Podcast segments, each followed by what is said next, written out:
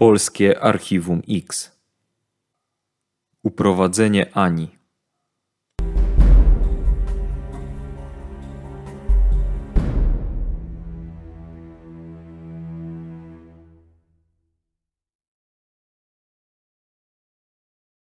Ania Jałowiczor zaginęła 27 lat temu.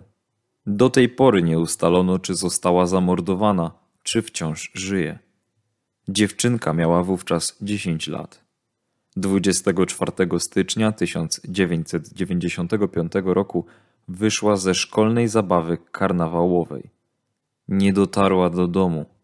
Miała do pokonania kilkaset metrów.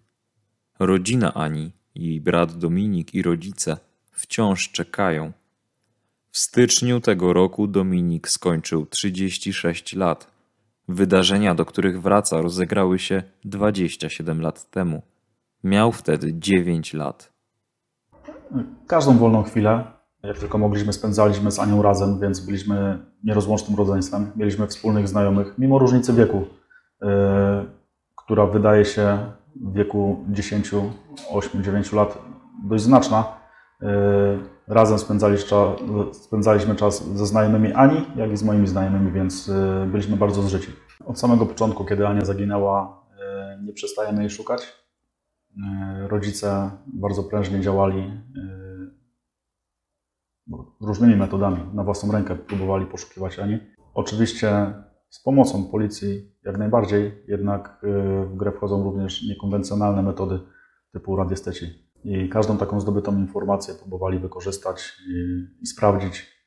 Yy, Jednak nie doprowadziło to do, do niczego. Na stole, przy którym siedzimy, leżą dziesiątki fotografii. Na jednej z nich widać Dominika, jak siedzi razem ze swoją siostrą na bujanym fotelu. Dziewczynka ma niebieskie getry i wplecioną we włosy różową kokardę. Kolejne zdjęcie. Widać na nim małą dziewczynkę o blond włosach z delikatnym uśmiechem. W prawej dłoni trzyma biało-czerwony bukiet kwiatów. Na kolejnym kobieta w czarnej bluzie i fioletowej spódnicy. Razem z Anią spoglądają na sklepową witrynę. Kobieta to mama Ani. Na kolejnym Dominik i Ania razem ze swoim tatą przed wieżą Eiffla. We wrześniu 1994 roku Ania Jałowiczor zaczęła czwartą klasę podstawówki. Miała wtedy 10 lat. To była jej nowa szkoła.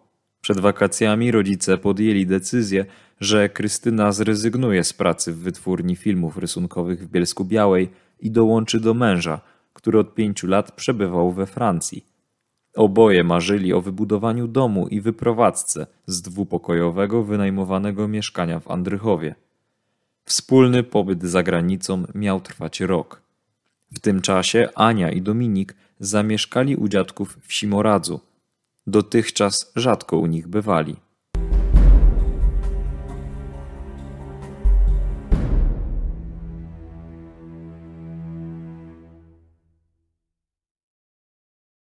Szkolny zwyczaj był taki, że zawsze w styczniu w szkole odbywała się zabawa karnawałowa.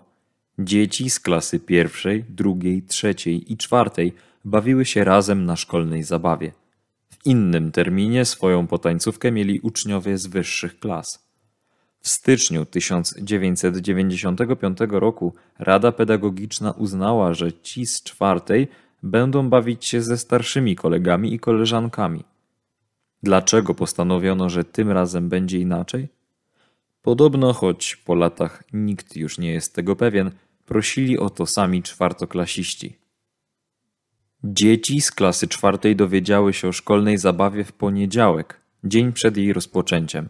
We wtorek, 24 stycznia 1995 roku, Ania, wychodząc ze szkoły po lekcjach, zapytała babcię, czy może na nią iść. Kobieta początkowo nie chciała się zgodzić, ale uległa namowom wnuczki. To wiemy z opowieści babci. Nie wiadomo, jak Ania czuła się tamtego wieczora. Jedni mówią, że tańczyła i była uśmiechnięta, inni, że stała pod ścianą i co jakiś czas spoglądała przez okno. Zabawa skończyła się o dwudziestej. Ania wyszła przed szkołę. Koleżanka, po którą przyjechali rodzice, zaproponowała, że ją podwiozą. Dziewczynka odmówiła. Powiedziała, że czeka na babcię. Chwilę później jeden z chłopców zaproponował, że odprowadzi ją do domu. Razem przeszli około stu metrów. Ania podziękowała mu za pomoc i powiedziała, że dalej pójdzie sama. Uczeń dogonił inne dzieci i razem z nimi poszedł w przeciwnym kierunku. Kiedy wnuczka nie pojawiła się wieczorem w domu, zaniepokojona kobieta poszła do jej szkolnej koleżanki. Ania, jak wynika ze słów babci, miała razem z nią wrócić z zabawy. Kiedy pani sołtys usłyszała o zniknięciu Ani, przypomniała sobie o pewnym wydarzeniu, które miało miejsce po godzinie dwudziestej. Dokładnie wtedy, kiedy dziewczynka miała wracać ze szkoły. Sołtys usłyszała krzyk dziecka i zatrzaskujące się drzwi. Potem ujrzała odjeżdżający beżowy samochód. Kobieta nie jest pewna marki. Mógł to być Fiat 125P lub Łada. Numer rejestracyjny zaczynał się na B. To znak, że auto należało do mieszkańca dawnego województwa bielskiego. Sołtys zeznała, że ani w samochodzie nie widziała. Po wszystkim wróciła do domu i włączyła telewizor. Inny świadek dostrzegł beżowy pojazd wieczorem, niedaleko miejsca, gdzie sołtys miała usłyszeć krzyki. Kolejna osoba zobaczyła auto wyjeżdżające z drogi w kierunku Dębowca, na której sołtys widziała samochód. Dominik z tamtych chwil pamięta niewiele. Pamiętam tylko niebieskie światła w oknach e, naszego, naszego domu, w którym e, mieszkaliśmy. Były to światła policyjne wozów strażackich, czyli pamiętam tylko moment, kiedy Ania już nie wróciła do domu i to, co, to, co działo się później. Chaos z tym związany. Nie pamiętam samego wyjścia Ani na, na imprezę i jak była zorganizowana ta impreza. Ta sprawa niestety jest na tyle tajemnicza, że nie było żadnych śladów i, i do tej pory nikt się nie odzywa, kto mógłby wnieść coś nowego. Jedyne ślady to są zeznania świadków, którzy y, zeznawali tuż po, po zaginięciu. Jedynym naocznym świadkiem prawdopodobnie uprowadzenia Ani, mówię prawdopodobnie, ponieważ ten świadek nie widział y, osoby mojej siostry, jednak znajdował się w miejscu, z którego doskonale widział samochód na skrzyżowaniu dwóch ulic w Simoradzu. Słyszał krzyk dziecka i zauważył zamykające się tylne prawe e, drzwi samochodu, co może świadczyć o tym, że w samochodzie były co najmniej dwie osoby. W pewnym momencie ten samochód gwałtownie wycofał w kierunku tego świadka i zaczął się oddalać w przeciwnym kierunku. Kolejny świadek natomiast zobaczył ten sam samochód minutę po tym e, poprzednim zdarzeniu, który e, bardzo gwałtownie skręcił z tej podporządkowanej drogi kierunku miejscowości e, Dębowiec. Czyli wjechał na główną drogę łączącą miejscowość Skoczów oraz Dębowiec. Dębowiec jest to też kierunek, z którego dalej można się udać w kierunku granicy polsko-czeskiej. Szkoła w Simoradzu położona jest na uboczu, daleko od przelotowej drogi. Prowadzi do niej wąska ulica. Kierowcy przejeżdżający przez wieś nie mogli przypadkowo trafić w to miejsce. Po zaginięciu policjanci przeszukali pobliskie lasy, pola, rozpytali ludzi. Jedna z wersji zakładała, że dziewczynka mogła wpaść do jednego z okolicznych stawów. Te zostały sprawdzone, a ani tam nie znaleziono. Natrafiono natomiast na ciało Heleny. Kobieta była poszukiwana od tygodnia. Wyszła z domu i powiedziała, że idzie odwiedzić brata. Wtedy widziano ją po raz ostatni. Sekcja wykazała, że przyczyną zgonu było utonięcie, a kobieta była pod wpływem alkoholu. Śledczy uznali to za nieszczęśliwy wypadek i nie łączyli tej sprawy z zaginięciem Ani. Policjanci przesłuchali mieszkańców, panią sołtys, babcie Ani, uczniów i nauczycieli. Ważną informację dostarczyły dwie uczennice. Według ich słów Tydzień albo dwa przed zaginięciem zaczepiło je dwóch mężczyzn w beżowym Fiacie 125P. Zaproponowali, że podwiozą je do domu. Dziewczyny odmówiły, ale zapamiętały, że samochód miał zamontowane rolety na tylnych oknach. Na podstawie ich zeznań powstały także portrety pamięciowe. Jakiś czas potem ktoś spostrzegł taki samochód w sąsiedniej miejscowości – Policja dotarła do właściciela, ale ten zaprzeczył, że porwał Anię. Zdjęcia tego człowieka nie pokazano jednak uczennicom, które złożyły zeznania. Ponadto nie istniały żadne dowody na związek tego mężczyzny z uprowadzeniem dziewczynki. Po trzech miesiącach sprawa została umorzona. Rodzice ani nie wnieśli zażalenia. Nie wiedzieli, że mogą. Ufali policjantom. Dodatkowo byli na skraju załamania nerwowego. Tuż po zaginięciu skontaktowało się z nimi kilkunastu jasnowidzów, którzy zaoferowali pomoc. Ich wizje wzajemnie się wykluczały. Jedni mówili, że dziewczynka żyje, inni wręcz przeciwnie, że jej ciało miało zostać zakopane. Dominik zadaje wiele pytań. Czy ktoś wie coś o zaginięciu jego siostry? Co jeśli porywacz pochodził z okolicy, a jeśli tak, to czy czasem on lub jego rodzice nie minęli go na chodniku? Dlaczego przez lata w tej sprawie nie wydarzyło się zbyt wiele? Pytania te od lat zadają sobie też jego rodzice i choć odpowiedzi brak, to nadal wierzą, że w końcu poznają prawdę. W dążeniu do poznania prawdy pomaga mu Anna Strzelczyk. To założycielka kanału na YouTubie Tropiciele Zbrodni. Sprawie zaginionej Ani poświęciła dwa lata swojego życia. Rozmawiamy z nią pod koniec wakacji. Prosi jednak, aby nie pokazywać jej twarzy. Sprawa zaginięcia Ani jest jedną, mogę powiedzieć, z najciekawszych spraw zaginięć, jeśli chodzi o zaginięcia w Polsce. I mam wrażenie, że w momencie, kiedy ja zajmowałam się tą sprawą, czy po raz pierwszy się nią zainteresowałam, ona była, nie była tak szeroko znana medialnie. E, było trochę artykułów na temat Ani, natomiast mm, generalnie jakby takie informacje najważniejsze mm, dotyczyły tego, że Ania zaginęła w trakcie powrotu ze szkoły. Ja bardzo chciałam poznać konkretne szczegóły tego, co się wtedy wydarzyło. E, skontaktowałam się z Dominikiem i zaproponowałam mu możliwość opowiedzenia historii Ani mm, na moim kanale. Dominik e, okazał się, był bardzo chętny, był, był zainteresowany współpracą.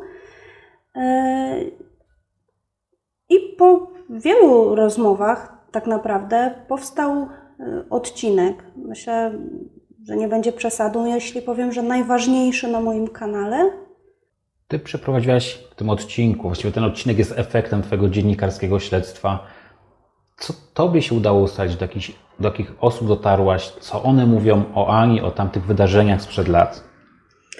To, co dla mnie było istotne, to pokazanie Ani nie jako imienia i nazwiska, nie jako suchej historii o zaginięciu dziecka, ale chciałam pokazać Anię jako osobę, jako człowieka. Chciałam wzbudzić emocje w odbiorcach i w związku z tym postanowiłam dotrzeć do osób, które Anię znały. Także poza, poza tym, że rozmawiałam z Dominikiem, udało mi się dotrzeć również do rówieśników Ani, jej koleżanek i kolegów ze szkoły, z którymi ona chodziła do klasy w szkole podstawowej w Andrzechowie.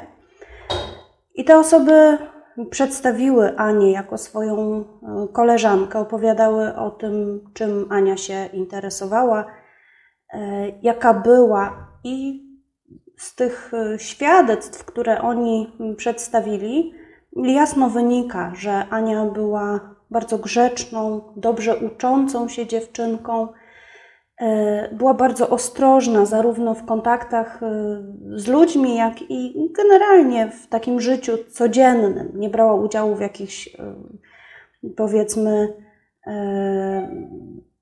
zabawach, które powiedzmy wiązałyby się z jakimś ryzykiem. Przedstawiano ją jako taką dziewczynkę bardzo ostrożną. I, i to jest coś, co ja zapamiętałam też. Od Dominika otrzymałam nagranie z pierwszej Komunii Świętej, gdzie możemy zobaczyć Anię też w ruchu, co też jest y, niesamowite. E, I tam widzimy Anię właśnie, która się uśmiecha do swoich koleżanek, e, która jest skupiona też. Widać, że, że wewnętrznie też przeżywa y, całą sytuację.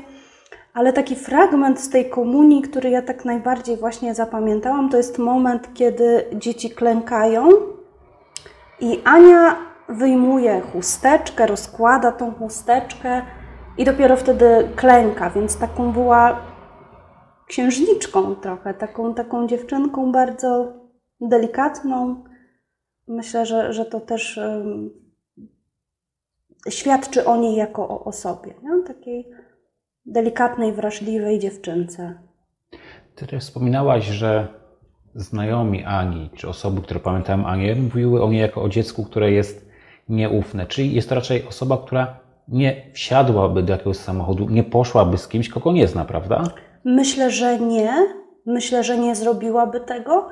Poza tym, to co pamiętam też, co mówiły koleżanki, to Ania lubiła też swoim koleżankom mówić o pewnych swoich e, przeżyciach. Opowiadała swojej koleżance, że, że bardzo tęskni za tatą, który przebywa za granicą. Więc myślę, że gdyby Anię ktoś wcześniej na przykład e, zaczepiał, jak czasami pojawiają się takie teorie, że ktoś Anię kilka dni wcześniej zaczepił i się z nią umówił, myślę, że Ania o czymś takim powiedziałaby bratu, powiedziałaby babci, na pewno nie zataiłaby takiej informacji, że ktoś próbuje się gdzieś tam z nią umówić.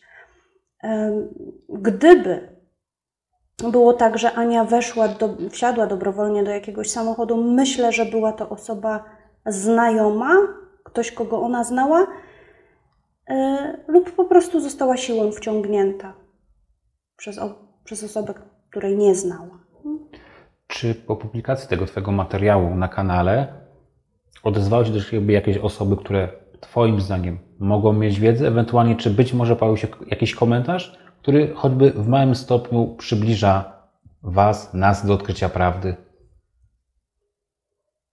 Nie pojawiły się żadne konkretne informacje, nie było komentarzy, które nawet sugerowałyby, e, co mogło się stać z Anią. Pojawiają się owszem komentarze osób, które powiedzmy próbują coś wydedukować na podstawie informacji zawartych w odcinku. Pojawiło się kilka komentarzy, ale to nie bezpośrednio pod odcinkiem, natomiast na grupie, którą prowadzimy na Facebooku, Zaginiona Ania Jałowiczor, i tam pojawiło się kilka takich y, komentarzy od osób z Simoradza czy z okolicy, sugerujących, że po co tak naprawdę zajmować się tą sprawą, to już było dawno, sugerujących też, że, że ludzie nie pamiętają, co się wydarzyło. A mam takie wrażenie, że jeżeli ktoś posiada wiedzę na temat zdarzenia y, takiego, to nie zapomina się takich informacji. Więc, więc to były jedyne takie komentarze, które gdzieś w jakiś sposób nawiązywały do sprawy, natomiast nie ma informacji, które pomogłyby w rozwiązaniu tej sprawy. Ty też byłaś w miejscowości, w której Ania zaginęła. Twoim zdaniem panuje taka zmowa milczenia w tej miejscowości? Ludzie boją się mówić, ewentualnie dlaczego mogą bać się mówić? Tak, owszem, byłam e, zarówno w miejscu uprowadzenia Ani, jak i w Andrychowie, gdzie się wychowywała. E, myślę, że to, że ludzie nie chcą mówić, może oznaczać, że sprawcy uprowadzenia Ani należy szukać w lokalnej społeczności. Niekoniecznie w Simoradzu, być może w najbliższej okolicy, ale zmowa milczenia zawsze jest powiązana z tym, że ludzie wiedzę jakąś posiadają. Bo gdyby to było przypadkowe uprowadzenie przez osobę z zewnątrz, myślę, że społeczność byłaby dużo bardziej otwarta. W sytuacji, kiedy ludzie zatajają pewne informacje, czy, czy nie chcą mówić na, na jakiś temat, myślę, że wynika to z tego, że jednak jakaś wiedza w tej społeczności lokalnej jest.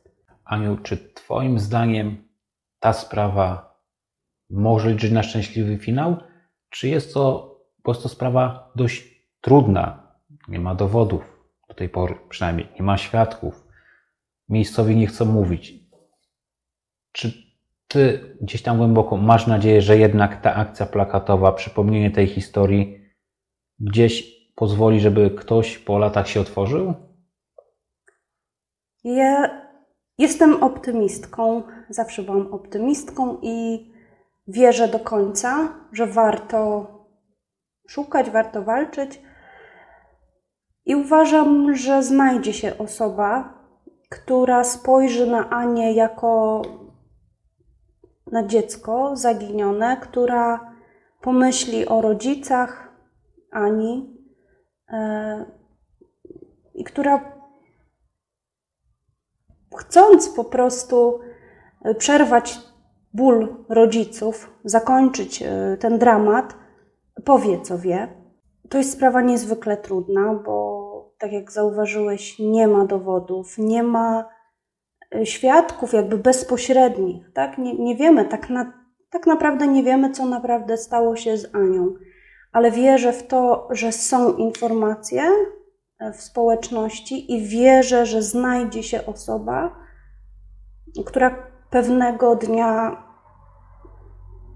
stwierdzi, że to sumienie jest na tyle obciążone, że, że powie sobie dość, tak? że to jest ten moment, że, że trzeba pomóc tej rodzinie, że trzeba chyba też sobie pomóc, bo osoba, która ma taką wiedzę, e, na pewno nie ma łatwego życia z tą wiedzą i każdego dnia stając przed lustrem, no widzi przed oczami osobę, która może zakończyć wielki dramat i wierzę, że pewnego dnia to zrobi.